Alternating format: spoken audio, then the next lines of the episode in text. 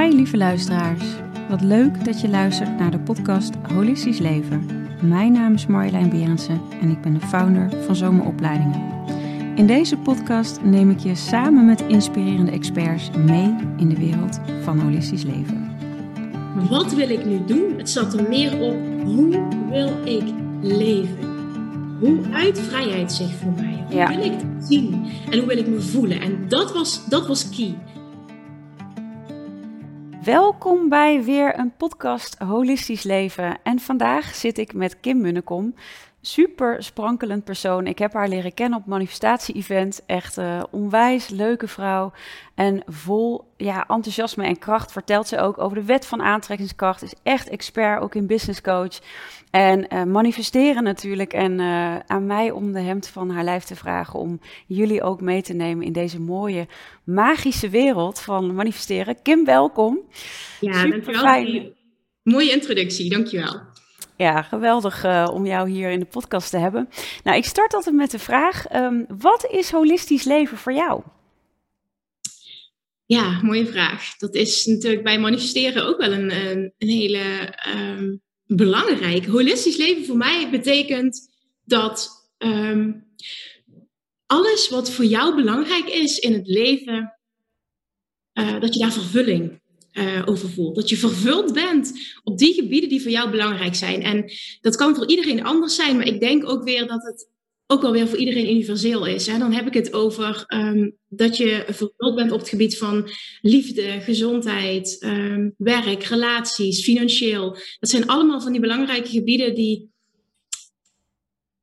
Maar iedereen, wij zijn opgevoed met, met, met, ik ben opgevoed met de overtuiging, je kan niet alles hebben. En holistisch leven is voor mij eh, het leven benaderen vanuit, je kan wel alles hebben. En het is juist de bedoeling dat al die vlakken gedekt zijn en dat ze vervuld voelen. Hmm. En is dat voor jou, wat even neem mij mee, want jij zegt ook, ik, ik ben daar niet eh, uit zo'n milieu gekomen dat dat vanzelfsprekend was. Neem mij eens mee in de reis van, nou ja, kleine Kim naar waar je nu staat. Het is misschien wel leuk om mensen daar eens mee te nemen. Wat heb jij daar in jouw leven losgelaten, gemanifesteerd om te staan waar je nu staat? Ja, mooie vraag. Dan ga ik. ehm, Oké, dan ga ik de punten benoemen, denk ik, die eh, belangrijk zijn geweest. Ehm, wat ik net al benoemde, ik ben inderdaad niet opgevoed ehm, vanuit alles is mogelijk. Ik ben wel met heel veel liefde opgevoed, maar wel ook heel erg eh, wat ik toen normaal vond. En sinds ik de wet van aantrekkingskracht eh, ontdekt heb vanuit daarbij gaan leven niet meer normaal vind. Je kunt niet alles hebben. En dat dat de normaalste zaak van de wereld is om, om dat als dominante overtuiging te hebben. Dus ben maar blij met wat je hebt. Heel veel dingen gaan goed. En het is, het is niet vanzelfsprekend dat, eh, dat je alles eh, hebt of dat alles goed gaat. En dat heeft heel lang, ging dat helemaal prima. Ehm, toen ik 16 was, toen zijn mijn ouders gescheiden. En dat heeft voor mij heeft dat heel veel impact gemaakt toen. Ik was al heel onzeker en ehm, ik heb daardoor een soort van verlatingsangst ontwikkeld. Nu achteraf kan ik dingen in een bepaald perspectief plaatsen. En dat heeft gemaakt, ik heb daar toch wel, eh, als ik heel eerlijk ben, heel veel pijn van ervaren. Dat is een traumatische ervaring geweest. En wat ik toen ben gaan doen, eigenlijk vrij snel daarna, is um, om die pijn niet meer te voelen, ben ik zoveel gaan eten. Om dat, tot een punt dat ik continu eigenlijk kotsmisselijk was. En die pijn was dan erger en die verdoofde die emotionele pijn. Dat is wat er gebeurde. En ik was niet in staat, dat probeerde ik wel om mijn vinger in de keel te steken, want ik wilde ook niet uh, zoveel zwaarder worden. Dat gebeurde wel. Een hele korte tijd kwam ik op 10 kilo aan. Um, dat, lukte allemaal niet. En dat werd een ding. Ik was onzeker en ik werd nog onzekerder. En dat heeft een hele tijd geduurd. En in die periode heb ik mezelf toch wel heel erg tekort gedaan, gepijnigd, verwaarloosd. Um, ik deed alles om maar weer uh, slank te worden, want daar haalde ik dan mijn, um, mijn eigenwaarde uit, mijn, mijn, mijn zelfliefde. Hmm. En dat zag ik op dat moment allemaal niet, maar achteraf kan ik dat dus zien. Ja. En toen is er een, een, keerpunt geweest, en dat is ongeveer vijf jaar later geweest, dat weet ik nog waar ik was. Ik, ik werd op een ochtend wakker en ik zat recht op mijn bed. En ik dacht echt, je bent nog zo jong. Ik was begin twintig op dat moment. Ik wil zo niet meer leven. En dit klinkt heel zwaar en dramatisch. En het is nooit zo geweest dat ik um, ja, letterlijk niet meer wilde leven. Maar ik wilde niet meer zo leven. Mijn levenskwaliteit was zo laag, mijn energieniveau was zo laag. Ik, en toen voelde ik gewoon, oké, maar als het zo moet, dan hoeft het voor mij niet meer. Hmm. En op dat moment voelde het heel makkelijk om de keuze te maken. Ik laat alles los, want ik was, uh, ja, ik had alle diëten gedaan die er maar bestonden en verslaafd geweest aan laxeertabletten. Het, het was gewoon echt heel heftig altijd. Ook periodes van niet eten en flauw vallen. En toen dacht ik, oké, ik ga gewoon alles loslaten, want dit werkt niet. En ik ga eens kijken hoe ver ik kom. Uh, zonder dat het een bepaald resultaat moest hebben, maar meer de vrijheid opzoeken en het energielevel willen verhogen. In plaats van te focussen op zoveel mogelijk, zo snel mogelijk afvallen, wil ik eens gaan focussen op zo goed mogelijk voor mezelf zorgen. En die voelde als licht en easy op dat moment. En ik denk dat dat komt omdat het voelde alsof ik geen andere keuze meer had, omdat ik er zo klaar mee was. En dat ben ik toen gaan doen. En ik vertel dat wel eens vaker en dan krijg ik de vraag, ja, maar hoe doe je dat dan? Ik geloof er dus echt in, en dat is helemaal in lijn met de wet van aantrekking, op het moment dat jij daadwerkelijk de connectie maakt met jouw lichaam, dat jij haar fijn aanvoelt wat goed voor je is. En dat is voor elk mens anders. En dat bedoel ik ook op alle vlakken, want ik spits me nu toe op voeding, maar dat uitzicht natuurlijk op alle vlakken. Ja. En die connectie, die kon ik toen maken. En iemand die dit ervaren heeft, die snapt wat ik bedoel. En ik geloof dus dat het voor iedereen is weggelegd. En op dat moment ging ik dus letterlijk naar aanleiding van wat ik voelde, ging ik eten. En zonder dat dit de, bedoeling was, viel ik dus na vijf jaar lang struggelen ineens door alles los te laten, 10 kilo af en was ik weer Kim die ik kende. Niet qua zelfvertrouwen, maar wel qua looks, als het ware. En dat was voor mij heel belangrijk, dat uiterlijk. En dat heeft zoveel gedaan dat ik merkte van, wow, dit is even heel wat anders dan ik gewend ben. En ik heb dit op mijn eigen manier gedaan en het voelt licht en bevrijdend. Ik kreeg mijn energie weer terug. En vlak daarna um, kreeg ik een baan bij, ik studeerde Nederlands recht en ik kreeg een, een baan als um, junior secretaris, noemden ze dat, want ik studeerde nog op dat moment uh, bij de rechtbank in Maastricht. En dat was een, dat was een. Het was ook echt voor mijn zelfvertrouwen heel, uh, heel veel. Want uh, er waren 140 sollicitanten, dat weet ik nog. En we werden met twee personen werden we uitgekozen. Terwijl ik alleen maar zesjes en zeventjes had in mijn hele studietijd. Want ik zat helemaal niet op een plek uh, op, in, die, in die rechtenstudie. Dus ik verbaasde me erover, hoe kun je mij nou aannemen? En de feedback die ik kreeg was, we vinden jou qua persoonlijkheid fantastisch in het team passen. Hmm. En dat was denk ik voor het eerst in mijn leven dat ik um, op basis van mijn persoonlijkheid, voor mijn gevoel. Hè, niet, het was los van wat ik presteerde of hoe ik eruit. Mijn persoonlijkheid, dat was goed genoeg.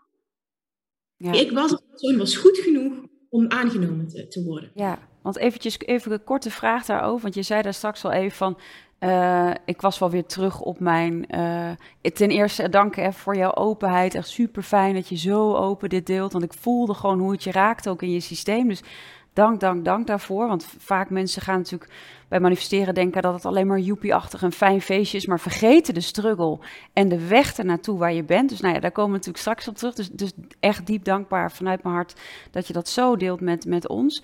Uh, en, en ik hoorde je zeggen van. Uh, maar dat vertrouwen was er nog niet, ondanks dat ik de oude Kim in uiterlijk terug uh, vond. Hè, de oude Kim zoals je eruit zag.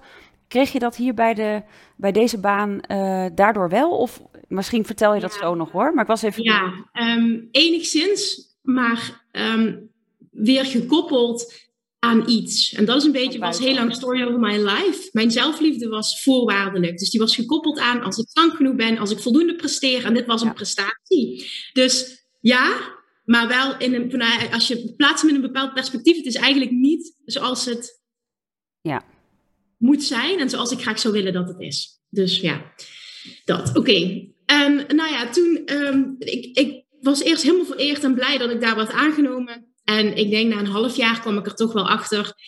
Het was vooral ook een ego-ding dat ik heel trots was dat ik werd aangenomen. Maar werd ik heel blij van het werk wat ik deed? Nee, want ik zat vier van de vijf dagen in een hokje achter een, een, een, computer uh, vonnissen te typen en, en allemaal papieren voor. Ja, dat is helemaal niet mijn ding. En één dag in de week mocht ik mee op zitting en dan mocht ik in een rechtszaal naast de rechter. En oh, dat was helemaal fantastisch. Maar dat was één dag in de week. Nou, toen um, kwam er een periode daarna, ik denk al vrij snel. Nee, dat klopt niet wat ik nu zeg. Niet vrij snel. Ik denk ongeveer een half jaar tot een jaar ehm, dat ik daar werkte, want ik heb er iets meer dan een jaar gewerkt, kwam een collegaatje naar mij toe. En die zei toen tegen mij van, goh Kim, ik, ik, uh, ik mag jou wat vragen, eigenlijk heel uh, kwetsbaar en voorzichtig. Ik zie jou de hele dag eten, maar jij bent zo slank. Waar laat jij dat, zei ze. Nou, dat was ook wel wat voor mijn ego, want ik dacht, ja. oh, zij zegt, jij bent zo slank. En toen ging ik vol enthousiasme vertellen over mijn eigen reis. Nou, zij werd heel enthousiast daarover. Wil je mij dat leren, vroeg ze. Ik zei, ja, natuurlijk wil ik jou dat leren. Nou, ze kwam naast me zitten en ik ging met haar echt kijken oké, en wie ben jij? Wat wil je? Wat vind je lekker? Het was echt gewoon ook een heel holistische aanpak eigenlijk. En um, nou, zij was zo enthousiast, ging zij weg. En alleen al door het enthousiasme en de zin die ze had in verandering, ging ze dus resultaat boeken. Drie weken later kwam ze bij mij terug. En zag ik gewoon, het werkte voor haar. Eh, er was resultaat, maar ze was ook blij. En, en een soort opluchting, een last van haar schouders. Andere collega's merkten dat op. Dus een tweede, die durfde op mijn deur te kloppen en vroeg hetzelfde. Wat jij daar aan doen bent, ik zal even geen naam noemen, met puntje, puntje. Kun je dat bij mij ook doen? ja, tuurlijk, kom maar. Als allemaal onder werktijd. Dus officieel denk ik, wat was ik aan het doen? Maar oké. Ja. En uh, toen kwam er nog een derde. En toen, toen daarna, die waren alle drie namelijk heel enthousiast. Toen kwam die eerste dame, die, die als eerste naar me toe kwam, die kwam met haar kont hier. Ik zit hier voor een tafel op mijn bureau zitten. En ze zegt, Kim, jij bent hier zo goed in. En je bent duidelijk niet gelukkig hier.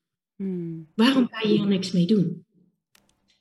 Die kwam zo binnen op dat moment dat ik, ik moest drie kwartier naar huis rijden s'avonds. Dat ik alleen maar dacht, waarom niet? En ik, er kwam geen enkele reden om het niet te doen. Ja, behalve angst natuurlijk, wat, wat als het niet lukt. Maar ja, ik was 25 op dat moment. Dus ik dacht, ja, wat heb je te verliezen?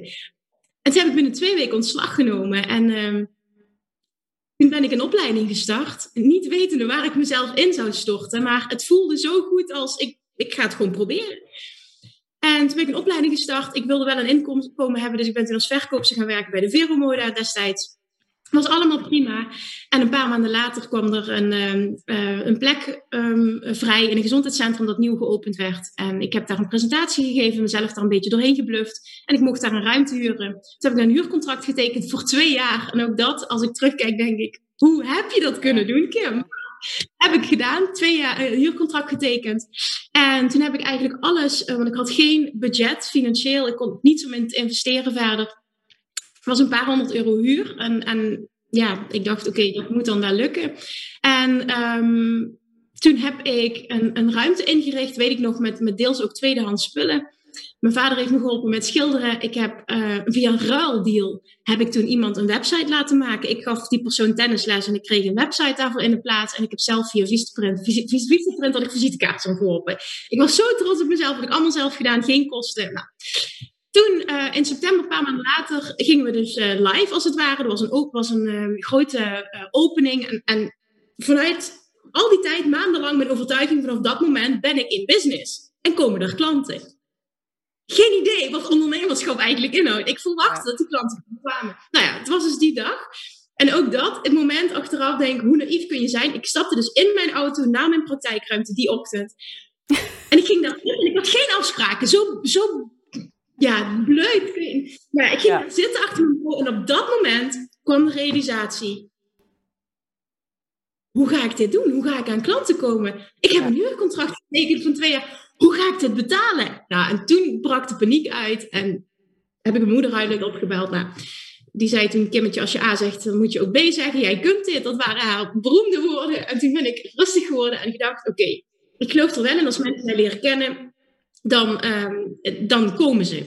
Dus toen ben ik tussen de 50 en de 100, denk ik, uiteindelijk andere, um, uh, hoe zeg ik dit, uh, artsen, dus hè, hoe, ja, deskundigen die aanvullend ja. werken, die ben ik gaan aanschrijven. Ja heel veel nee's gekregen, uiteindelijk een paar jaar. Ik heb wat presentaties gegeven, geen resultaat, geen klanten. Maar goed, mijn naam kwam eruit. Toen heb ik nog iets van een actie gedaan ook, een soort couponactie.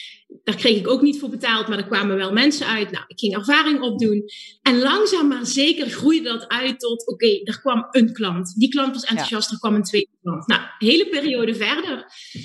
Um, merkte ik ook, en dan ga ik even fast forward een aantal jaren verder Uh, 2,5 jaar heb ik toen mijn baan opgezegd, want die praktijk draaide voldoende. En na 5,5 à 6 jaar merkte ik dat ik zo'n plafond bereikt had, dat ik op een punt kwam, als je zo doorgaat, en dat riep iedereen om me heen, ik voelde dat niet, dan ga je in een burn-out terechtkomen. En ik werkte zes dagen in de week, 9 tot 9. Zo. En ik wilde heel graag van offline naar online, omdat ik voelde, ik zit nu elke dag met 16 mensen, was het ongeveer gemiddeld 16 mensen, één op één gesprekken te voeren. En iedere keer is het hetzelfde. Ja, ja. Je kan meer impact maken en je kan ook wereld, wereld, wereldbrede zullen, heel heftig, maar je kan Nederland breed mensen bereiken uh, versus enkel lokaal. Dus ik voel dat ik een uplevel mocht maken. Ben toen een opleiding gestart van uh, offline naar online je business inrichten. En daarnaast ben ik een stagiaire gaan inwerken die mijn één op één klanten zou overnemen. Mm. En toen een paar maanden later, um, en ik werkte nog steeds zoveel. Toen kwam ik in januari 2017 in een burn-out terecht. Zo, die toch, uh, wat, wat dat was voorspeld dus, hè? Dus dat is ook uitgekomen als ik het zo... Uh, ja. Uitgekomen, ja. En die had ik echt totaal niet zien aankomen. En dat is... Nee. Ja, ik, het riep altijd heel hard van onzin, dat gebeurt mij niet. Ik heb hem dus, ja, achteraf denk je, heb je hem echt niet zien aankomen. Ik had bijvoorbeeld zes van de zeven dagen in de week knallende hoofdpijn. Ja. Dat was mij was normaal, zeg maar. En van, ja. van ochtends vroeg met 16 cliënten op een dag denk ik, hmm, best wel veel. ja. Echt ontzettend veel, ja. Ja, heel ja, veel. Maar het was een normaal geworden. Ik zag het allemaal niet meer. Ik zat zo in een door, door, door. En werkende naar iets beters. Ik wist, er gaat vrijheid aankomen. Ik moet nog even door. En dat ging niet meer. Dus toen was het eh, begin januari, weet ik ook nog, ik was gaan sporten. En ik woon op dat moment alleen in een appartement. Ik loop mijn woonkamer in en, en echt halverwege die woonkamer, ik val letterlijk op de grond. Zo. Want mijn benen hielden mij niet. Ik zakte dus door mijn benen heen op dat moment. En toen kwam er een heel erg gevoel van, heel sterk gevoel van verdriet, van zwaarte. Ik kwam over me heen en ik kon het niet plaatsen op dat moment. Het was heel koud, dat weet ik nog. Uh, ben ik met jas en al aan um, naar de verwarming gekropen. Ben ik daar op de grond gaan zitten en heb ik daar uren zitten huilen. Hmm. En uiteindelijk mijn, mijn vader opgebeld. Dat zijn dingetjes die ik nog weet. En uh, gesprekken gevoerd. En mijn vader zei toen... Oh ja, die heb ik ook nog onthouden. Mijn vader zei toen... Ik ben zo blij dat je belt, zei hij. Ik zei laatst nog tegen uh, zijn nieuwe vrouw... Ik hoop dat Kim geen auto-ongeluk krijgt. Want het gaat echt niet goed. En ik ben bang dat er iets wil gebeuren. Ja, en die kwam zo aan. Ik dacht, hoe blind heb ik kunnen zijn? Ja, ja, ja. Echt, nou ja. echt, ja. Uit verbinding met jezelf. Ook. En dat was heel heftig. Maar um, dit is wel, en dat, dat zeggen de meeste mensen ook, hè, die een burn-out, ik weet niet of jij zelf die ervaring hebt. Ja, nou ja, zeker wel die, die, uh, wat, dat je zo er tegenaan zit. En eigenlijk gaat het er ook over, als ik jou hoor, is echt uit verbinding met jezelf gaan, hè? Volledig, 100%. Helemaal uit verbinding. Compleet. Ja. ja. Echt ja. compleet. Want ik had ook allemaal klachten, want al zes jaar lang liep ik met um, een ontstoken elleboog en nek- en schouderklachten. En die ontsteking ging maar niet weg. En uiteindelijk ben ik toen bij een voetreflextherapeut terechtgekomen. En zij uh, ging toen met mij aan de slag. En normaal gesproken werkt dat zo. Dat zij de pijnpunten kunnen aanraken op het moment dat je daadwerkelijk ontsteking hebt. En dan zou de pijn zo groot moeten zijn onder je voet. Dat zij omschreef dat als dan vlieg je tegen het plafond. En ik had allemaal klachten, dat, dat, kon, dat werd ook gemeten, zeg maar. Er zat een ontsteking. En ik voelde helemaal niets. En zij had nog nooit een klant gehad die niets voelde. En toen weet ik nog dat zij naar haar, um, de, degene waar zij de opleiding bij gevolgd had, haar lerares, is zij gegaan omdat ze gewoon niet wist wat ze met mij aan moest, die casus ingediend. En toen zei die, die therapeut, zij is zo, verbind, zo uit verbinding ja, met haar lijf met haar hart, de connectie tussen hoofd en hart, er zit zo'n blokkade op. Zij voelt letterlijk niets meer. Niets meer, ja, moet je kijken joh. En dit, zijn, dit is denk ik wel mooi in die zin, Kim, dat mensen beseffen niet dat hier ook zo'n verhaal achter zit. Want als je jou ziet op Insta natuurlijk en als je jou volgt, ja, jij sprankelt. Je, je bent zo'n sprankelaar, zeg maar. Je, je geeft echt licht. Dat je dus zo diep hebt gezeten. Dat, dat jij nu ben je zo in verbinding. Weet je als ik jou zo ken. Maar uh, toen dus zo uit verbinding. En, en hoe heb je dat gedaan? Want je vertelt natuurlijk even je, je levensverhaal. Ik denk dat mensen echt uh, ook zo zitten te smullen als ik. Wat is er toen gebeurd? Dus, nou, vertel ja. verder. Nou ja, toen is er uh, iets, iets heel belangrijks gebeurd. Dat jaar, in januari 2017, gebeurde dat. En um, na een week dacht ik weer te kunnen gaan werken. dat ging totaal niet. Dus toen realiseerde ik me, oké, dit is echt, echt heftig. Toen belde, mijn moeder liep namelijk stage bij mij. Ik had vijf stagiaires gehad uiteindelijk. Mijn moeder, zij, zij belde toen en zij zegt, Kim, zal ik het overnemen? Volledig. En toen zei ik, durf je dat? Het zal wel moeten, hè, zegt ze. Mm. Ja, het is maar net hoe je het bekijkt, maar het zou wel fantastisch zijn.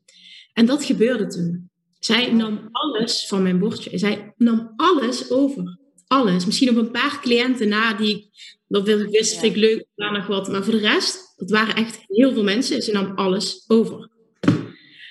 Ik vond dat heel spannend, omdat ik de overtuiging had, mensen willen mij. Dat is ook dat een ja. idee. Maar goed, ik heb toen open kaart gespeeld, allemaal uitgelegd. En op één na was iedereen uh, helemaal oké, super enthousiast, positief, vond het helemaal goed. En dat gaf mij vrijheid. Ik kon letterlijk opnieuw beginnen toen. En dat was een gevoel dat ik al heel lang niet meer had gehad. En toen, de kernwaarde, de waarde waarom ik ooit, mijn kernwaarde is, mijn nummer één kernwaarde is vrijheid. En de nummer één reden waarom ik ooit mijn eigen bedrijf ben begonnen, los van dat het me heel leuk leek, was wel ook die vrijheid en mijn, mijn eigen leven, mijn eigen regels kunnen bepalen. En toen ging ik dus eens opschrijven, oké, wat wil ik en wat, wat geloof ik dat ik kan? En toen kreeg ik het idee om datgene wat ik aan het doen was, om dat online om te zetten naar een community. Die noemde ik dan nooit meer op dieet. Hmm. En daarin ging ik mensen ook coachen online. Maar ik kon meteen een groep van honderd bij wijze van spreken bereiken. Ja. Dezelfde boodschap in plaats van één continu. Want even voor mij, hè, Kim, eventjes, want ik, ik hoor wat je zegt, maar wat echt die, die, die vraag die blijft door mijn hoofd gaan. Hoe ben je weer in verbinding gekomen met jezelf? Want je door, door opnieuw te gaan kiezen, door letterlijk alles wat mij op dat moment um, vasthield, los te laten, af te geven. Dat was zo'n zwaarte op mijn, mhm. drukte op mij. Want dan moet ik weer terug in het oude leven en ik wilde mijn oude leven niet meer. Dus om de keuze te maken, het is goed, jij mag alles overnemen en ik kom helemaal opnieuw, letterlijk mijn, mijn mijn levensverhaal gaan schrijven. Wat wil ik? Een blanco ja. Wat wil ik? Hoe wil ik leven? Hoeveel uren wil ik werken? Uh, ik wilde naar Bali toe. Dat moest ik gaan inrichten. Dus mijn energie kwam terug totdat ik opnieuw kon kiezen. Ja, en, en daaronder diepend, want ik kan me voorstellen, die burn-out, je ging echt uit verbinding niet meer voelen. Hoe voelde je weer? Snap je wat ik bedoel? Want ja. ik kan me voorstellen, hè, want je kan zeggen van oké, weet je, ik hoor wat je zegt en ik hoor ook, ik hoor ook die vrijheid. Maar Ehm, ehm, wat ik zeg maar mis, ook misschien voor de luisteraar.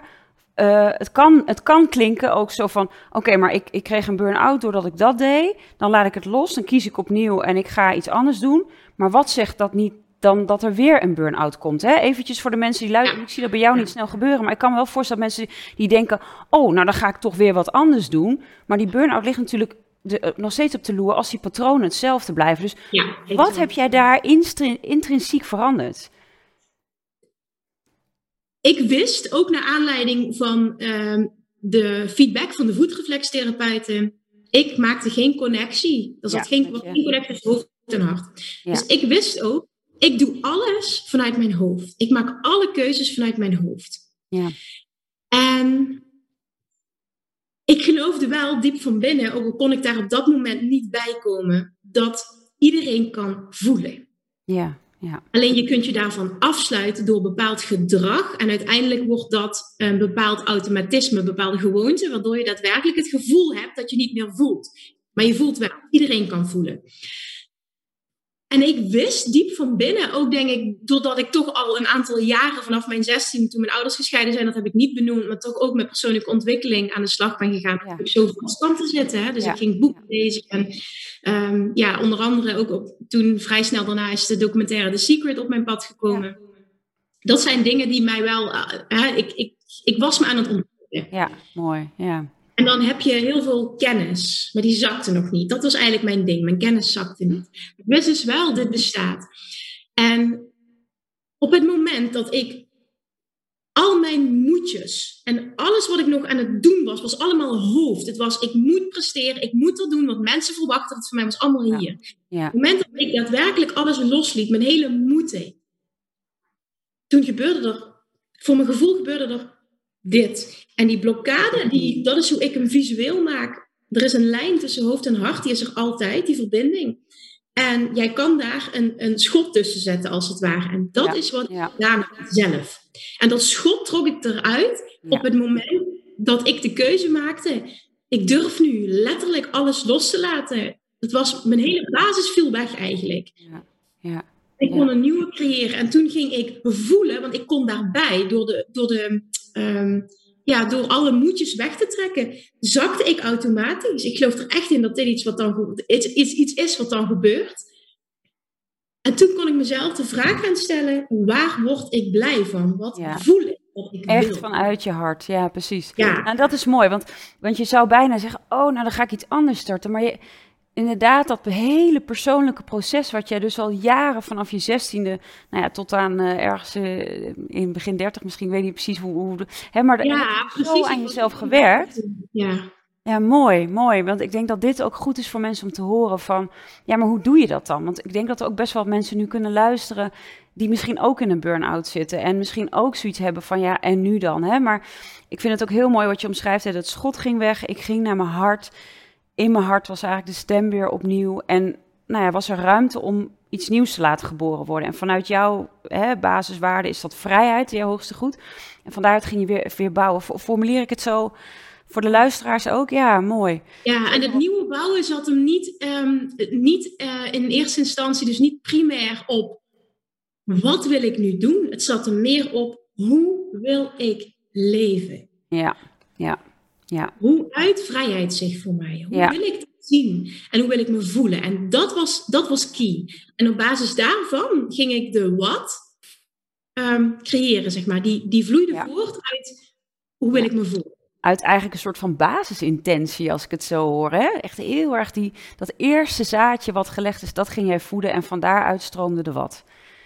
Ik voelde toen ook, ik wil nooit meer terug naar deze situatie. En ik ben de enige die dat kan creëren. Ja, ja, ja, mooi. En dat geldt voor iedere mens. Ja, nou, weet je, dat, is, dat, dat vind ik zo inspirerend, omdat je zo open bent. Is het zonde om daar geen aandacht aan te besteden. Want er zijn ook mensen die natuurlijk veel, veel shit meemaken, maar die uiteindelijk toch in bepaalde patronen of iets blijven hangen. En het is jou gelukt, dat je ook, en, en dat hoor ik je niet zeggen, en dat is misschien ook omdat het zo gewoon is voor jou, maar je gaat wel dwars door alles heen. En dat is echt wel een kracht wat ik zo zie bij jou. Je gaat er gewoon voor. En uh, dat is denk ik ook super mooi om echt ook te doen. En, en ja, dat, uh, dat in te zetten. Ja, en ik heb ervaren dat op het moment dat je dat één keer doet en de eerste keer is gedreven door zo vastzitten dat het voelde alsof ik geen andere keuze meer had. Ja. Dat je dat één keer doet en je ziet wat het met jou doet als persoon en hoe je leven verandert. Dat het vervolgens makkelijker wordt om daar doorheen te gaan. Nog steeds heel pijnlijk en moeilijk in het moment, maar wel makkelijker omdat je weet wat er aan de overkant is en dat het beter is aan die overkant.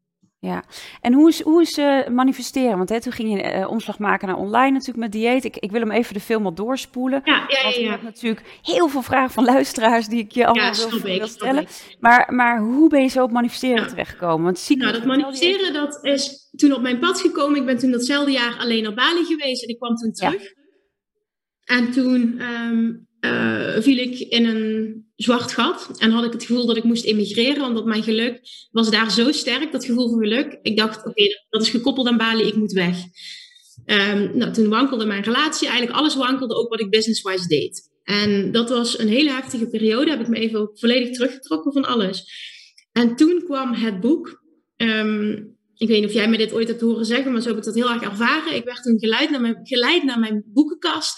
En toen heb ik het boek van de wet van aantrekking van Esther en Jerry Hicks, dat moest ik toen lezen. En nu horen luisteren, denk ik, ja, van wie moest jij dat? Dat kan ik niet uitleggen. Dat voelde al zo'n, je wordt geleid. Ik wil net niet zeggen dat mijn hand meegetrokken werd, want zo zweverig wil ik niet maken verder, maar ik voelde gewoon, ik moet dat boek pakken. Nou, dat boek had ik al tien jaar. En ik weet nog ook dat ik het ooit had opengeslagen en dat um, ik toen las in het begin, want het is best wel, je moet er even ja, doorheen. Klopt, ja. Maar jij kent het. Ja, um, dat ik echt dacht, wat is dit voor zweverige bullshit? En die heb ik, dat boek heb ik toen dicht gedaan en nooit meer naar gekeken. En op dat moment las ik dat opnieuw. En kwam het gewoon keihard binnen. En resoneerde. En voelde het als waarheid. En als dat wat ik nu had te doen had. En alles wat ik toen leerde, ik ging dat hele boek, dat was niet lezen, dat was echt bestuderen. Ik ging het in de praktijk brengen. En ik koos er toen voor, want ik, was, ik had op dat moment één jaar mijn business online. Ik koos ervoor om via social media, Facebook en Instagram was het op dat moment, mijn reis te delen. Van vastzitten naar, oké, wat ben ik aan het doen om? Niet wetende wat uiteindelijk die uitkomst zou zijn, maar ik deed dat. Ik, ik neem, nam mensen mee op mijn pad. Mhm. En ik merkte dat alles zo veranderde. En dat ik ook op het gebied van geld zat ik bijvoorbeeld heel erg vast. Ik zat vast aan een bepaald plafond, kon niet meer verwachten. Ook heel veel tekort meegekregen uh, na de scheiding. En dat was zo'n waarheid op alle vlakken. En het, ik werd er zo enthousiast van. Ik dacht, oké, maar dit wil ik. Ik wil dit. En ik wil dat dit mijn leven is. En ik wil dat dit gaat lukken. En ik geloofde dat het zou lukken. En ik transformeerde. En ik, ik kreeg toen ook weer de vraag wauw, kun je mij dit leren? En zo ontstond dus wat ik nu doe. En dat is eh, ja, voornamelijk um, online programma's en business coaching op, gebaseerd op de wet van aantrekking. Dus ja, het is, dat is even heel snel, maar dit was het, het, openbreken van iets waarvan ik dacht, en dit geloof ik als mijn waarheid. Ik zal nooit zeggen, dit is de waarheid, maar het is mijn waarheid. En als je dat zelf zo voelt en je hebt een online business en je kan dat zo oprecht overbrengen, dan neem je mensen volledig mee en wil men dat van je leren. En dat gebeurde. En uiteindelijk is toen in een paar jaar tijd, nou, mijn omzet ging keer 20. Ik doorbrak allerlei uh, uh, money-blokkades, overtuigingen. En, en ik, ik, ging op een ander level met klanten werken. Ik, ik ging alleen maar mensen aantrekken die bij mij pasten. En dat kwam natuurlijk omdat ik anders ging uitzenden. Ik ging ja op, op relatievlak gebeurde er wat. Nou, we hebben vorig jaar ons droomhuis gekocht. Het, het, alles. Alles gewoon. Het is ongelooflijk. zich, ja. Hey, en en um, ik zie jou ook echt shine als je dit zo vertelt ook. waarin was dat vertrouwen weer teruggevonden? Want dat was je natuurlijk kwijt. Waarin kwam dat weer terug? Nou, dat was, ik ging dat boek um, lezen.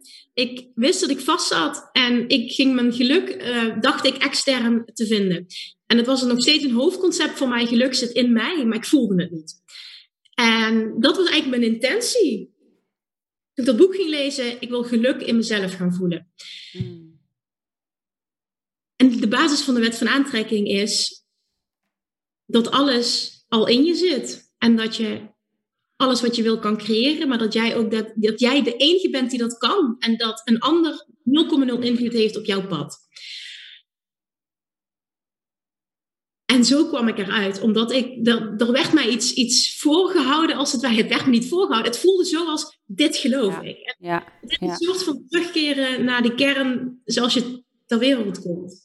Ja, ja, ja, mooi, heel mooi. Hey, en um, want ik ga zo door naar de luistervragen, want we gaan, we gaan, we gaan zo lekker de diepte in. Uh, voordat ik naar de luistervragen doorga, um, wou ik nog even vragen, hè, want je zegt uh, zo mooi van, nou, je, je manifesteert of je, de wet van aantrekkingskracht werkt vanuit jezelf, hè, de, de ik zeg maar, de, niet de andere. Wie is die ik? Waar vanuit is de, wat is nou echt die ik dan waar je vanuit manifesteert? Hmm. Ja, die ik, ik noem dat inner being. Dat wij uit twee delen bestaan. Inner being en ego. En de ene noemt dat ziel. En ja. hè, het is voor iedereen, je mag dat een beetje een naam geven. Ik noem dat dus inner being en, um, en ego. Die ik is inner being. En inner being um, benadert alles vanuit licht en liefde. Licht, liefde en overvloed. En jij voelt, en dat is als je dat schot weghaalt, jij voelt Wanneer jij geleid wordt, gegidst wordt door inner being of door ego. En als je dat heel sterk voelt, is een keuze maken ook heel makkelijk. Ja, dus eigenlijk ook van word ik uh, geleid door angst of door liefde, hoor je ook wel eens bijvoorbeeld, hè? of ego of ziel. En dat verschil leren kennen. En hoe weten mensen, kijk, ik, ik doe het zelf ook natuurlijk, weet zo is zomaar natuurlijk ook ontstaan. Um, maar voor de mensen thuis die nu ook luisteren, um, je haalt dat schot weg. Um, het kan me voorstellen dat als je wat meer bij de inner being komt, dat dat natuurlijk soms ook vertroebeld kan zijn over hoe je naar jezelf kijkt, hoe je naar anderen kijkt. Dat ego stiekem daar toch nog een beetje tussendoor zuddert. Dus hoe zuiver is dan de stem van het inner being? Heb je een tip, of misschien neem je ons ook wel mee in een oefening, weet ik niet hoor, of, of dat daar ook over gaat, maar hoe kom je daar dan? Hoe weet je dat het de inner being is en niet het ego? Dit is iets wat je kunt trainen ook. En ik geloof er oprecht in dat als je heel eerlijk naar jezelf bent dat je altijd voelt of dat ehm, iets gekoppeld is aan um, ja, overvloed, liefde, of dat het gekoppeld is aan tekort en angst, onzekerheid. Is jezelf altijd die vraag stellen: Doe ik dit? Wil ik dit? Um, vanuit een, een, een, een, negatieve emotie als het ware, of vanuit een positieve emotie. En uh, dan maak ik het misschien wat tastbaarder. En dit is iets wat ook, ben oké met, oké, ik voel het niet altijd. Ja. Ben oké met, oké, en soms heeft ego de overhand. En ik wil ook even benadrukken, ego is niet slecht. Hè, ik wil ook niet dat overkomt ego iets uh, negatiefs is. Wat de basis van de wet van aantrekking is, is ego in lijn krijgen met inner being. Dus letterlijk ego meenemen um, in de richting van inner being. En inner being gidst jou naar datgene waar je naartoe wil. Dus hoe ik dit concreet aanpak is... Als ik een verlangen heb, dan, dan we er allemaal onbewust um, elke dag verlangens uit. Als we iets ervaren wat we niet willen, dan zijn je automatisch ook uit wat je wel wil. Maar je kunt ook heel bewust bepaalde intenties uitzetten. En op het moment dat ik merk dat ik een bepaald verlangen heb, maar uh, er zitten ook nog angsten op bijvoorbeeld, dan zie ik dat, ik maak altijd alles visueel. Dus ego zit bij mij altijd op mijn rechterschouder. Ik praat dan in mezelf tegen mijn ego. En dan draai ik me ook om. Dit zal nooit iemand zien, dit is niet hardop.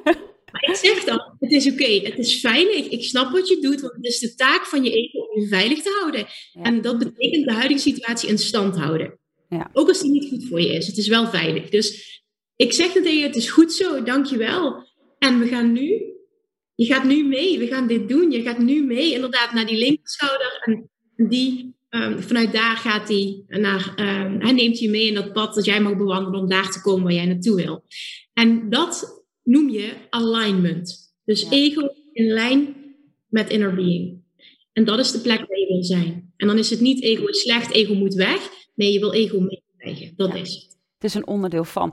En dat heeft ook wel iets, eventjes uh, even daarop ingaan, iets vanuit, um, als je kijkt vanuit, ook, ook vanuit heling bijvoorbeeld met innerlijk kind, is ook wel dat bepaalde kindstukken naar voren kunnen komen. Ik kan me voorstellen dat dat ook onder ego valt. Dus dat je het, het kind in jezelf, als je kindstukken voelt opkomen rondom angst, geruststelt en zegt, we gaan dat samen doen. En we gaan mee naar dat wat we gaan uh, creëren of manifesteren. En ik vind dat heel mooi, want dan sluit je ook niks mee uit. Dus ook dat is weer heel erg wat gaat inderdaad over holistisch leven. Dus dat zei, zei je daar straks al even. Maar ook voor mensen die luisteren, dat is natuurlijk ook het holisme is dat er niets uitgezonderd wordt. Weet je, het kan nog wel eens uh, op de loer liggen, want ja, dat heb je misschien ook gemerkt. De manifestatievijver is best wel vol. Weet je, je er, zijn, er, er komen steeds meer uh, vissen die uh, manifesteren en daarmee bezig zijn. Het, het, is echt wel hip en happening ook.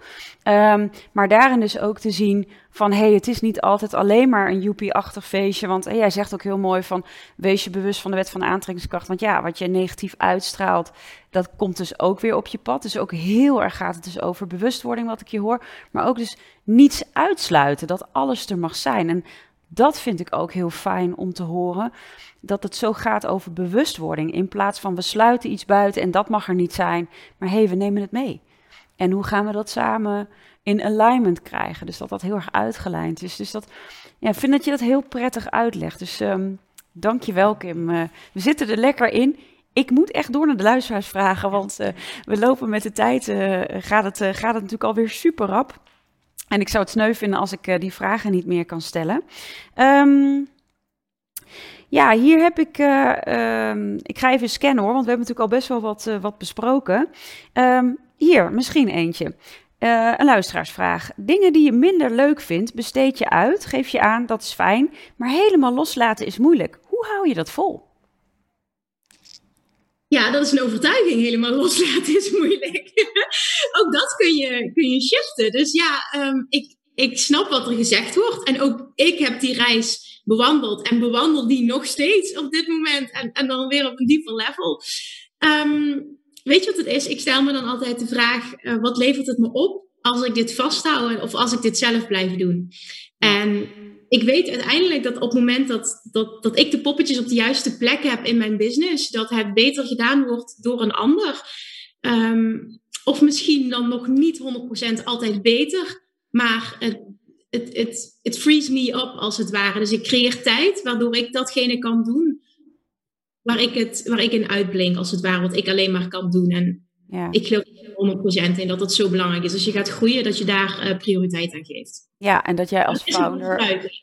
Ja, hè, precies. En ook jij als founder, noem het maar even, ook kan shinen in de dingen die jij te doen hebt. Want inderdaad, ja, er zijn ook veel dingen die inderdaad andere mensen misschien wel kunnen doen. Dus maar mooi om dit ook uh, mee te nemen. Uh, nou, hier, hier gaat er eigenlijk eentje, dit, is eigenlijk een beetje hetzelfde. Um, dit is misschien een leuke, want uh, hier wordt gevraagd half spiritueel, half nuchter. Dat staat super mooi ook op je site overigens. Um, dat is voor veel mensen niet weggelegd. Eén van de twee komt vaak bovendrijven. Hoe hou je die twee in balans? Dus spiritueel en nuchter. De luisteraar of de, de vraag die binnenkomt. Ja, van de vraag. Van de luisteraar. Dat is voor veel mensen niet weggelegd. Nee, dus, dat is, dus daar zit natuurlijk al een oordeel in. Hè? Eventjes, als we hem even zo mogen uitkleden. Sorry luisteraar. Nee hoor, we kijken echt kritisch en liefdevol naar je vraag. Maar hier staat, hoe hou je die twee in balans? Dat is een vraag van de luisteraar. Spiritualiteit en nuchter. Nou, weet je wat het ook is? Ik weet niet per se of die twee ehm, um, in balans moet. Ja, natuurlijk moeten ze in balans zijn, maar het is ook een beetje wat voelt voor jou als in balans. Kijk, voor mij is het uitzicht dat um, in de manier waarop ik ben en hoe ik denk en hoe ik in het leven sta en, en hoe ik iets teach. Want dat resoneert met mij. Maar dit wil niet zeggen dat mijn manier van denken en mijn balans daarin goed is voor iedereen. En de ene neigt naar veel meer spiritueel zijn en de andere heeft er niets mee. En, en heeft, houdt vooral vast aan het, het, het nuchtere. En alles is goed. Ja. Als je maar uh, thrived, als het ware. Dus als het je maar goed gaat, hè, dat is het. Ja. Het hoeft niet steeds in balans te zijn. Ja, vind ik ook leuk dat je het zegt, want uh, ik denk ook dat, nou ja, hier zijn natuurlijk komen toch ook wat vragen uit van mensen die daar misschien grip op willen krijgen, hè? want uh, daar ja. zit natuurlijk misschien ook in, uh, misschien ook wel controle of zoekend zijn, um, maar dat het wat ik je ook hoor zeggen is eigenlijk dus heel erg gaat over je eigen authenticiteit ontdekken. Wat is voor jou, wat werkt voor jou in plaats van, oh we moeten doen wat Kim doet of Marjolein of weet ik veel wie nog meer. Maar dat is heel erg gaat eigenlijk over je eigen authenticiteit ontdekken. Wat voor jou daarin uh, leidend is. Dus uh, mooi dat je dat... Ik denk dat, dat dat een hele mooie reis is die mensen mogen aangaan met zichzelf. Wie ja. ben ik echt en wie wil ik zijn? Ja, ja, ja, mooi. Ja, het is, fijn dat je dit ook nog even zo, uh, zo meegeeft. Um, um, oh ja, hier heb ik nog een vraag. Veel van de mensen die je hebt gecoacht spreken erover dat je ze hebt helpen kiezen voor zichzelf. Is hulp van buitenaf altijd nodig? Nee. 100% nee. Ik geloof erin zelfs dat je helemaal geen hulp van buitenaf nodig hebt in de kern en dat alle antwoorden in jou zitten. En ik geloof er wel in dat op het moment dat jij voelt dat je dat gaat helpen, dat het fantastisch is om een coach in te schakelen. En mijn advies zou dan zijn: zoek dan altijd iemand, of dat nu een coach is of, of iemand anders, iemand die de juiste vragen stelt, waardoor het antwoord uit jou komt. Ja, ja. Ja, precies. Dus niet dat het buitenaf het antwoord ligt, maar dat iemand misschien van buitenaf jou helpt om uh, nou ja, het antwoord in jezelf weer te herontdekken. Te voelen wat er altijd al is. Want dat zei je er straks overigens ook, hè? Van het zit allemaal al in jezelf. Dat geloof ik ja. echt. Ja, ja, ik ook overigens. Um, even kijken. Als je doet wat je leuk vindt, is alles makkelijker. Maar is dat dan ook succesvol? Ja, daar zijn de meningen over verdeeld. En mijn mening is ja. Want wat is de definitie van succes? Dus als je doet wat je leuk vindt, dat, dat klinkt even heel simpel, maar ben je niet alleen daarom al succesvol? Ja. Ik snap dat er nu, ja, maar dan moet ook, hè, dan moet ook geld binnenkomen. snap ik. En dan is het, en dan, dan is even heeft helemaal misschien niets met, met spiritualiteit of wat dan ook te maken, maar iemand waar ik, um, ik, ik die ik bewonder voor hoe hij is als persoon, is Gary Vaynerchuk. En dat is echt iemand die teacht en laat zien, ook met voorbeelden, dat je alles kunt monetizen. En dat op het moment dat jij een hobby hebt, dat in deze tijd en de wereld van het internet en alles wat mogelijk is, kun je met alles geld verdienen. Het is alleen die skills in jezelf ontdekken. Het gaat niet enkel om, um, ik ben goed in wat ik doe. Um, Business-wise succesvol zijn gaat ook heel erg over, oké, en hoe kan ik dat op een manier die bij mij past, goed vermarkten. En als je daar goed in wordt, die combinatie, stroomt het financieel altijd. Ja, ja, ja, ja, mooi. Mooi ook uh, hier. Ja, want ik was nog benieuwd, hoe zie, hoe zie jij jezelf ook in de manifesteervijver? Het wordt alleen maar meer, meer, meer. Um, ja, hoe, zou, hoe, hoe, hoe kan dat zo ineens? Dat dat zo in opkomst is? Wat, wat, en hoe posi positioneer jij jezelf daarvan? Ik ben gewoon benieuwd, nieuwsgierig. Ja, ja een mooie vraag. Um, ik ben sowieso iemand die heel weinig aandacht besteedt aan alles wat er om mij heen gebeurt. Ik ben daar heel goed in geworden om echt um, met oogkleppen op, zeg maar, mijn eigen ding te doen. Mhm. Dus dat helpt mij persoonlijk heel erg. Dus ik weet dat het zo is, maar ik zie het eigenlijk niet zo heel erg.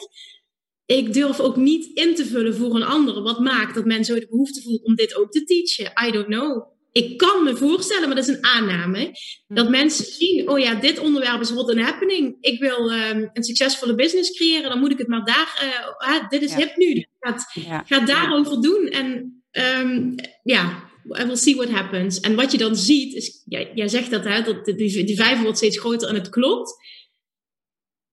Maar um, en dan moet ik ook wel heel erg opletten in wat ik zeg en hoe ik het zeg. Want wat is de definitie van succes? degene die het echt authentiek teachen, en dan bedoel ik degene die het leven, mm zijn er naar mijn mening maar een paar. Ja. ja. En, en dan wil ik verder ook niet. Uh, snap je? Ik wil daar. Nee, nee dat wil ik niet. Is ook niet belangrijk. Het gaat ook niet om het oordeel. Maar ik vind het wel mooi om te zien van hey, het, het valt zo op dat, het, dat er zoveel zijn. En uh, nou ja, ook practice what you preach. Uh, doe het vooral ook zelf. En kijk daar zelf naar. En ik denk dat het ook heel erg gaat. En, en dat vind ik, dat raakte me echt. Dat je zei van, hé, hey, maar ik kijk gewoon geregeld ook. Wat, wat, wat zegt het ego op mijn rechter schouder? En nou ja, wat zie ik dan uh, links gebeuren in waar we naartoe willen? Of hè, het, het, de liefde zelf of de inner being, zoals jij het noemt. Um, en om die twee ook heel erg samen te voegen. En voor mij gaat daar ook heel erg die heelheid over. Dan is manifesteren niet een doel op zich, maar het is veel meer om eigenlijk die balans te hebben. En vanuit dat startpunt, vanuit dat zijn um, ben je al zo in verbinding met wie je bent. En ontstaat die wet van aantrekkingskracht, die, die er al lang is, die gaat dan voor je werken. Maar dat is ander. Ja, het is andersom eigenlijk. Want ik kan me voorstellen dat ook mensen dan denken: oh, ik moet dat manifesteren. Dus dan ga je juist naar buiten toe in wat je wil. Maar dat veel meer zit over: hey, maar wie ben ik eigenlijk? En hoe kom ik weer in balans? En dat hoor ik ook heel mooi in jouw verhaal terug. Want je bent ongelooflijk open. Ben ik super dankbaar voor dat je dat zo doet. Want, want dat maakt ook dat. Uh, vaak zien mensen natuurlijk, ja, de eindstip waar je nu staat, dan ga je nog hartstikke veel doen natuurlijk, Kim. Maar ja, nu super succesvol, hè, om het zo maar te zeggen. Maar ook, maar waar kom je vandaan? Welk pad heb je afgelegd? En dat gaat dus echt over dat innerlijk werken en dat schot weghalen en er naartoe bewegen en daar zijn. En zo in die essentie daarin voelen wat zich manifesteert. En en dat is dan een gevolg en geen doel op zich. En dat vind ik ook heel fijn. Manifesteren gaat voor mij 100% over zijn. Ja. Ja. En vanuit daar kun je inderdaad dingen aantrekken. Situaties, materialistische dingen. Maar dat is een logisch gevolg van het gaat over het zijn. Dat is het. Ja. Heerlijk. Nou, fijn dat we daar ook zo, uh, nou ja, zo hetzelfde in voelen en resoneren daarop. Um, Jij hebt nog een mooie oefening. Wil jij mij en de luisteraars daarin meenemen? Ja. Ja, ja, ik denk dat het ook al heel mooi is naar aanleiding van de, de, de manier waarop bepaalde vragen werden geformuleerd. Want we hadden natuurlijk over, ja, dat is een overtuiging. Ja, dat is een verhaal dat jij jezelf vertelt. En een oefening die ik um, heel veel heb gedaan met mezelf en ook met klanten, en dat ging specifiek over het stukje uh, overtuigingen op het gebied van geld shiften, maar die kun je toepassen op alle vlakken. Dus ik wil een vier-stappen-proces delen, iets praktisch, uh, waar de luisteraars mee aan de slag kunnen, wat ze daadwerkelijk kunnen toepassen. En niet één keer, maar iedere keer als ze merken: oké, hier popt wat omhoog, ik zie weer, dit is een overtuiging die eigenlijk die ik niet wil, die is niet voor mij, die hoef ik niet. Mm Eén, en dit is een beetje een, een de, ja. uh, dat is bewustzijn. Maar die is zo ontzettend belangrijk en krachtig. Ben je bewust van um, dat het een overtuiging is? Net had ik het idee bij de eerste twee vragen dat men niet eens in de gaten had: hey, dit is een overtuiging. Hè? Dit is moeilijk. Ja. Nee, dat, dat is jouw overtuiging, maar dat hoeft niet moeilijk te zijn. Uh, dit is voor weinig mensen weggelegd. Uh, nee, dat is een overtuiging. Dus dat, dat zien, dus bewustzijn is één. Ja. Twee vervolgens is, um, dit hoeft niet, maar dat kan wel heel um, fijn zijn. En dat is namelijk begrijpen waar het vandaan komt. En mij heeft dat in mijn, ik heb echt heel veel um, werk gedaan op money mindset. En bij mij was het zo dat ik mijn overtuigingen op geld, mijn geldverhaal had overgenomen van mijn ouders. En vooral specifiek van mijn moeder na de scheiding. Dus door te begrijpen dat dit niet in de kern van mij is, maar dat het iets is wat ik heb overgenomen van een ander, maakte dat ik het in een ander perspectief kon plaatsen en ook beter kon loslaten. Dus daarom zeg ik begrijpen waar het vandaan komt, is vaak heel fijn, maar niet noodzakelijk. Dan is stap drie, um, en deze wil ik ook wel visueel maken, voor mij helpt dat. Um, wat je dan mag doen is, als jij helder hebt, ik begrijp waar die overtuiging vandaan komt. In dat geval bijvoorbeeld voor mij, pak ik dat geldverhaal, uh, mijn moeder. Dan visualiseer ik een touw. Ja. Dik touw. En aan de ene kant staat mijn moeder en aan de andere kant sta ik. En dan is de oefening om dat touw door te hakken, te snijden, te knippen, wat goed voelt voor jou, maar dat echt op zo'n manier door te snijden dat jij kunt zien en kunt voelen bij het uiteinde van een touw. Dat ene waait naar mij toe, dat andere dat, dat zwiep naar mijn moeder toe. En ik laat daarin niet, ik snij geen band los met mijn moeder, want mijn band met mijn moeder is fantastisch. Alleen ik hoef dat stukje, dat is van haar, dat hoef ik niet meer. Nee, nee, nee. En vervolgens is stap 4 het herprogrammeren van uh, jouw mind als het ware. En dat doe je door iedere keer als jij merkt, oh, daar komt die overtuiging weer, dit is duur. Geld groeit niet aan bomen. Dit is, uh, dit is moeilijk. Dit is niet voor mij weggelegd. Dit, ik, oh, ik doe het weer. En dan iedere keer gaan naar, hoe wil ik denken? Welke overtuiging zou ik willen hebben? Wat, wat wil ik zelf creëren? Wat wil ik dat voor mij is? En voor mij was dat bijvoorbeeld eentje die huge is geld verdienen, geld aantrekken is super makkelijk. Die wilde ik gaan voelen en ik wilde daar vooral heel veel blijdschap en enthousiasme en lichtheid op voelen, die ik nu over voel. En dat iedere keer doen. En keer op keer op keer, want dit is niet iets wat zwaar is, maar ook niet iets wat je in één keer pakt. Hè? Dus continu dat werk doen. Wat wil ik wel? Wat wil ik wel? En in het begin voel je die misschien niet of geloof je hem nog niet. Maar ik kan uit ervaring zeggen, door dat keer op keer te doen, komt er ook een shift in hoe je hem voelt. En eerst is het een hoofdding en uiteindelijk gaat die zakken. En op het moment dat hij hier zit, ga je het ook aantrekken. Mooi, dus hij moet eigenlijk zakken naar je. Het is eigenlijk een soort van mantra die je op een gegeven moment herhaalt. Want jij zegt, wat wil ik wel, wat wil ik wel? Dus niet van, wat wil ik wel, wat wil ik niet? Dat doen mensen toch vaak, hè? zo uh, vergelijken. Maar je zegt, wat wil ik wel? Dat hij eigenlijk zakt, zakt, zakt, totdat je hem echt voelt in je hart en gelooft. En dat, dat, dat gebeurt. Ja. Want ik had altijd heel veel moeite met geld uitgeven. En ik weet nog keer op keer, dan pakte ik mijn pinpas en dan zei ik iets in mezelf. En aan de andere kant gebeurde, wat een bullshit. Weet je zo, dat gebeurde ook in mij. En ik voelde het niet. En uiteindelijk zakte die en kon ik echt liefde en overvloed voelen op het moment dat ik een betaling deed. Ja. En die is echt ontzettend groot geweest, die shift. Ja. Ja. ja, weet je, want geld is ook energie. Weet je, ik merk... Uh ook zeker in de wat spirituele wereld soms wel spanning op geld. Hè? Zeker bijvoorbeeld, wij geven natuurlijk uh, Reiki onder andere. Dat mensen denken, ja, maar wat je geeft is toch onbetaalbaar? Ja, dat is ook zo. Maar je kan ook zeggen, hè, mensen betalen voor de tijd of je betaalt voor de energie. Of het is ook maar een uitwisseling van energie zodat ook dat in balans blijft. Hè? Dat niet iemand een schuld bij jou opbouwt energetisch, maar dat het juist heel erg mag blijven uh, stromen.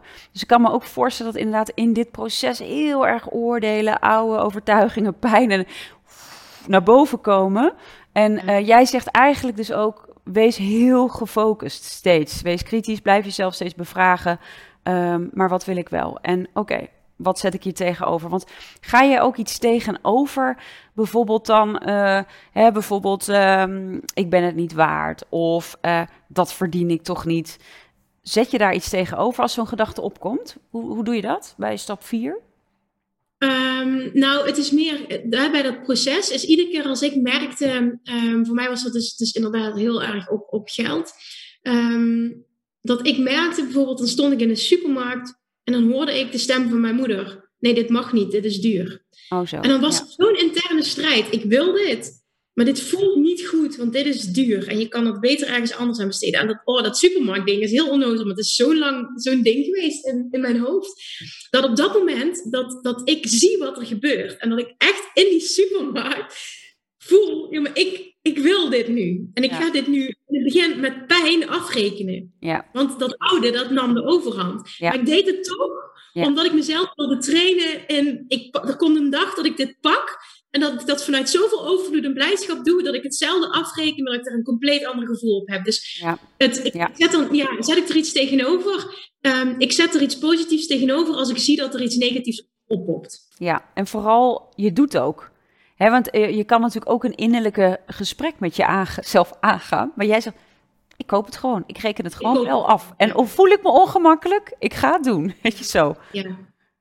Ja, dat. Ja. ja, ik wil daarvan af. En dan weet ik gewoon, oké, maar dan moet ik er nu doorheen. Ik doe het wel. Het gaat dan om een, weet ik veel, een stom bakje druiven of blauwe bessen. Maar snap je, dat zit zo diep. Ja, ja.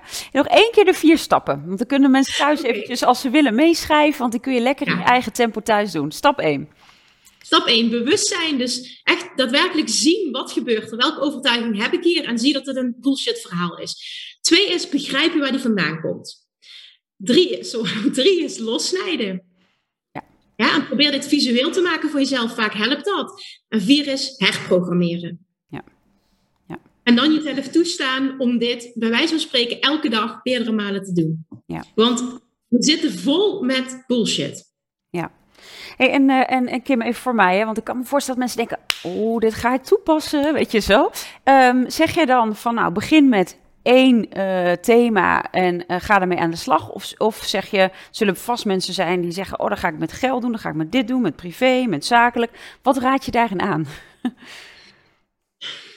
Ja, uh, deze vraag heb ik vaker gekregen en daarin is er ook geen goed antwoord. Op het moment dat jij um, kunt verwachten dat je het op meerdere vlakken kunt doen, is dat wat je mag doen. Op het moment dat het overwhelming voelt en je gelooft niet dat het op meerdere vlakken kan tegelijk, dan is het niet voor jou. Dan mag je focussen. Dus daarin is ook elk persoon anders. Ja, mooi. Ja, dus ook weer terug naar diezelfde authenticiteit. Hè? En dat, dat haalt een beetje de eenheidsworst weg. Is namelijk gewoon weer afstemmen. Uh, hoe werkt het voor jou? Want inderdaad, ik kan me voorstellen. Dat, ja, jouw verhaal is natuurlijk super mooi. Waar je vandaan komt, waar je nu staat. En dat werkt natuurlijk enorm motiverend ook voor mensen om aan te pakken. En als je voelt van, pff, ik voel het vuur bruisen, ja, ga er vooral voor. Hè? als je nog een beetje sceptisch ja, bent, probeer het eerst met een, met een dingetje bijvoorbeeld uit. Ik noem maar iets. Ja, precies. Ja. Dat, inderdaad. Dat zeg je heel mooi. Ja. Maar hou jezelf ook niet tegen als jij voelt, ik wil gaan en ik kan verwachten dat ik meerdere vlakken kan aanpakken. Just go. Let's ja. go, let's go, let's go for it. Ja, mooi, mooi, mooi, mooi. Um, we gaan alweer uh, richting het einde van de podcast, maar ik wil, we zijn nog niet, we hebben nog geen kaartje getrokken. Normaal als degene oh, uh, hier zit, dan uh, trekken we altijd een kaartje. Ik ga er eentje voor jou trekken. Ik voel eventjes. Als je één vraag zou mogen stellen aan een alleswetend iemand, welke vraag zou dat dan zijn? Wow. Alsjeblieft. Wauw. Oh. Um, interessant. Weet je wat namelijk het eerste is wat in mij opkomt nu? Dat alleswetend iemand, die, die persoon, ben ik zelf. Ja. Dat is even, dat even los daarvan. Um, en ik geloof dat iedereen dat is, namelijk. Ja, um, ja. Oh, um, Oké. Okay. Dan pak ik iets wat nu speelt. Ik zit namelijk in een enorme up-level ook weer in mezelf. En, en dus ook in mijn business nu, net na mijn, na mijn tweede bevalling. Ja, ja. Um, en ik hang wat vast op um, um, teambuilding en um, aanbod op dit moment. Dus de, de vraag zou dan zijn, en dat is ook hoe ik het aanpak, ik moet dingen het universum inslingen. geef me helderheid voor wat betreft de stappen die ik op dit moment mag zetten, de, de, de keuzes die ik mag maken. om mijn business vanuit overvloed en vrijheid en fun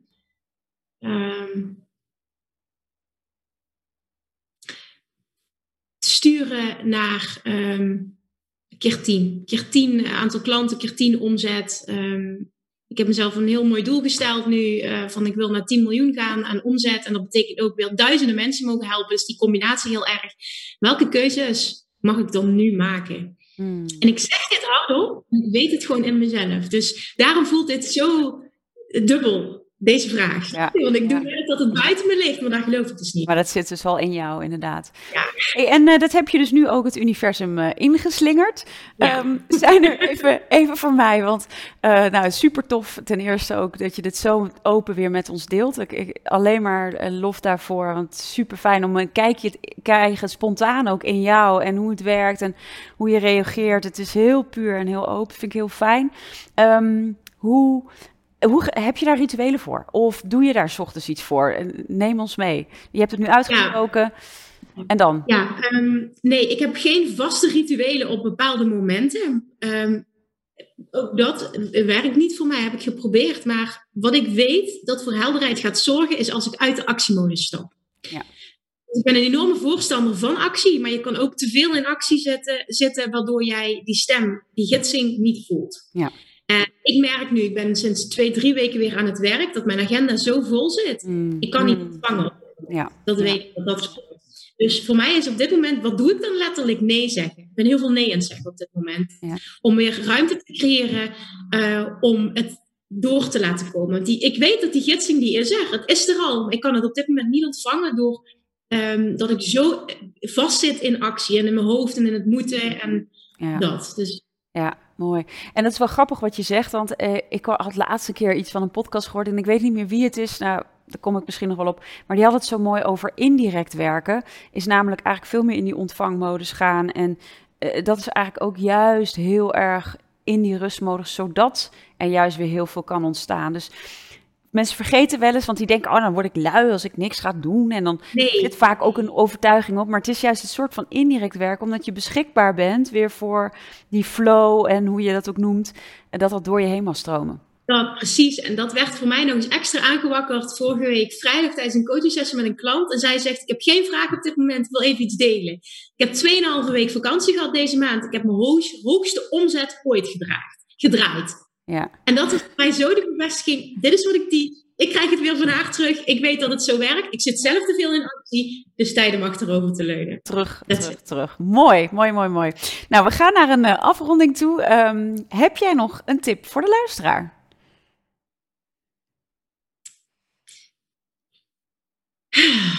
Ja.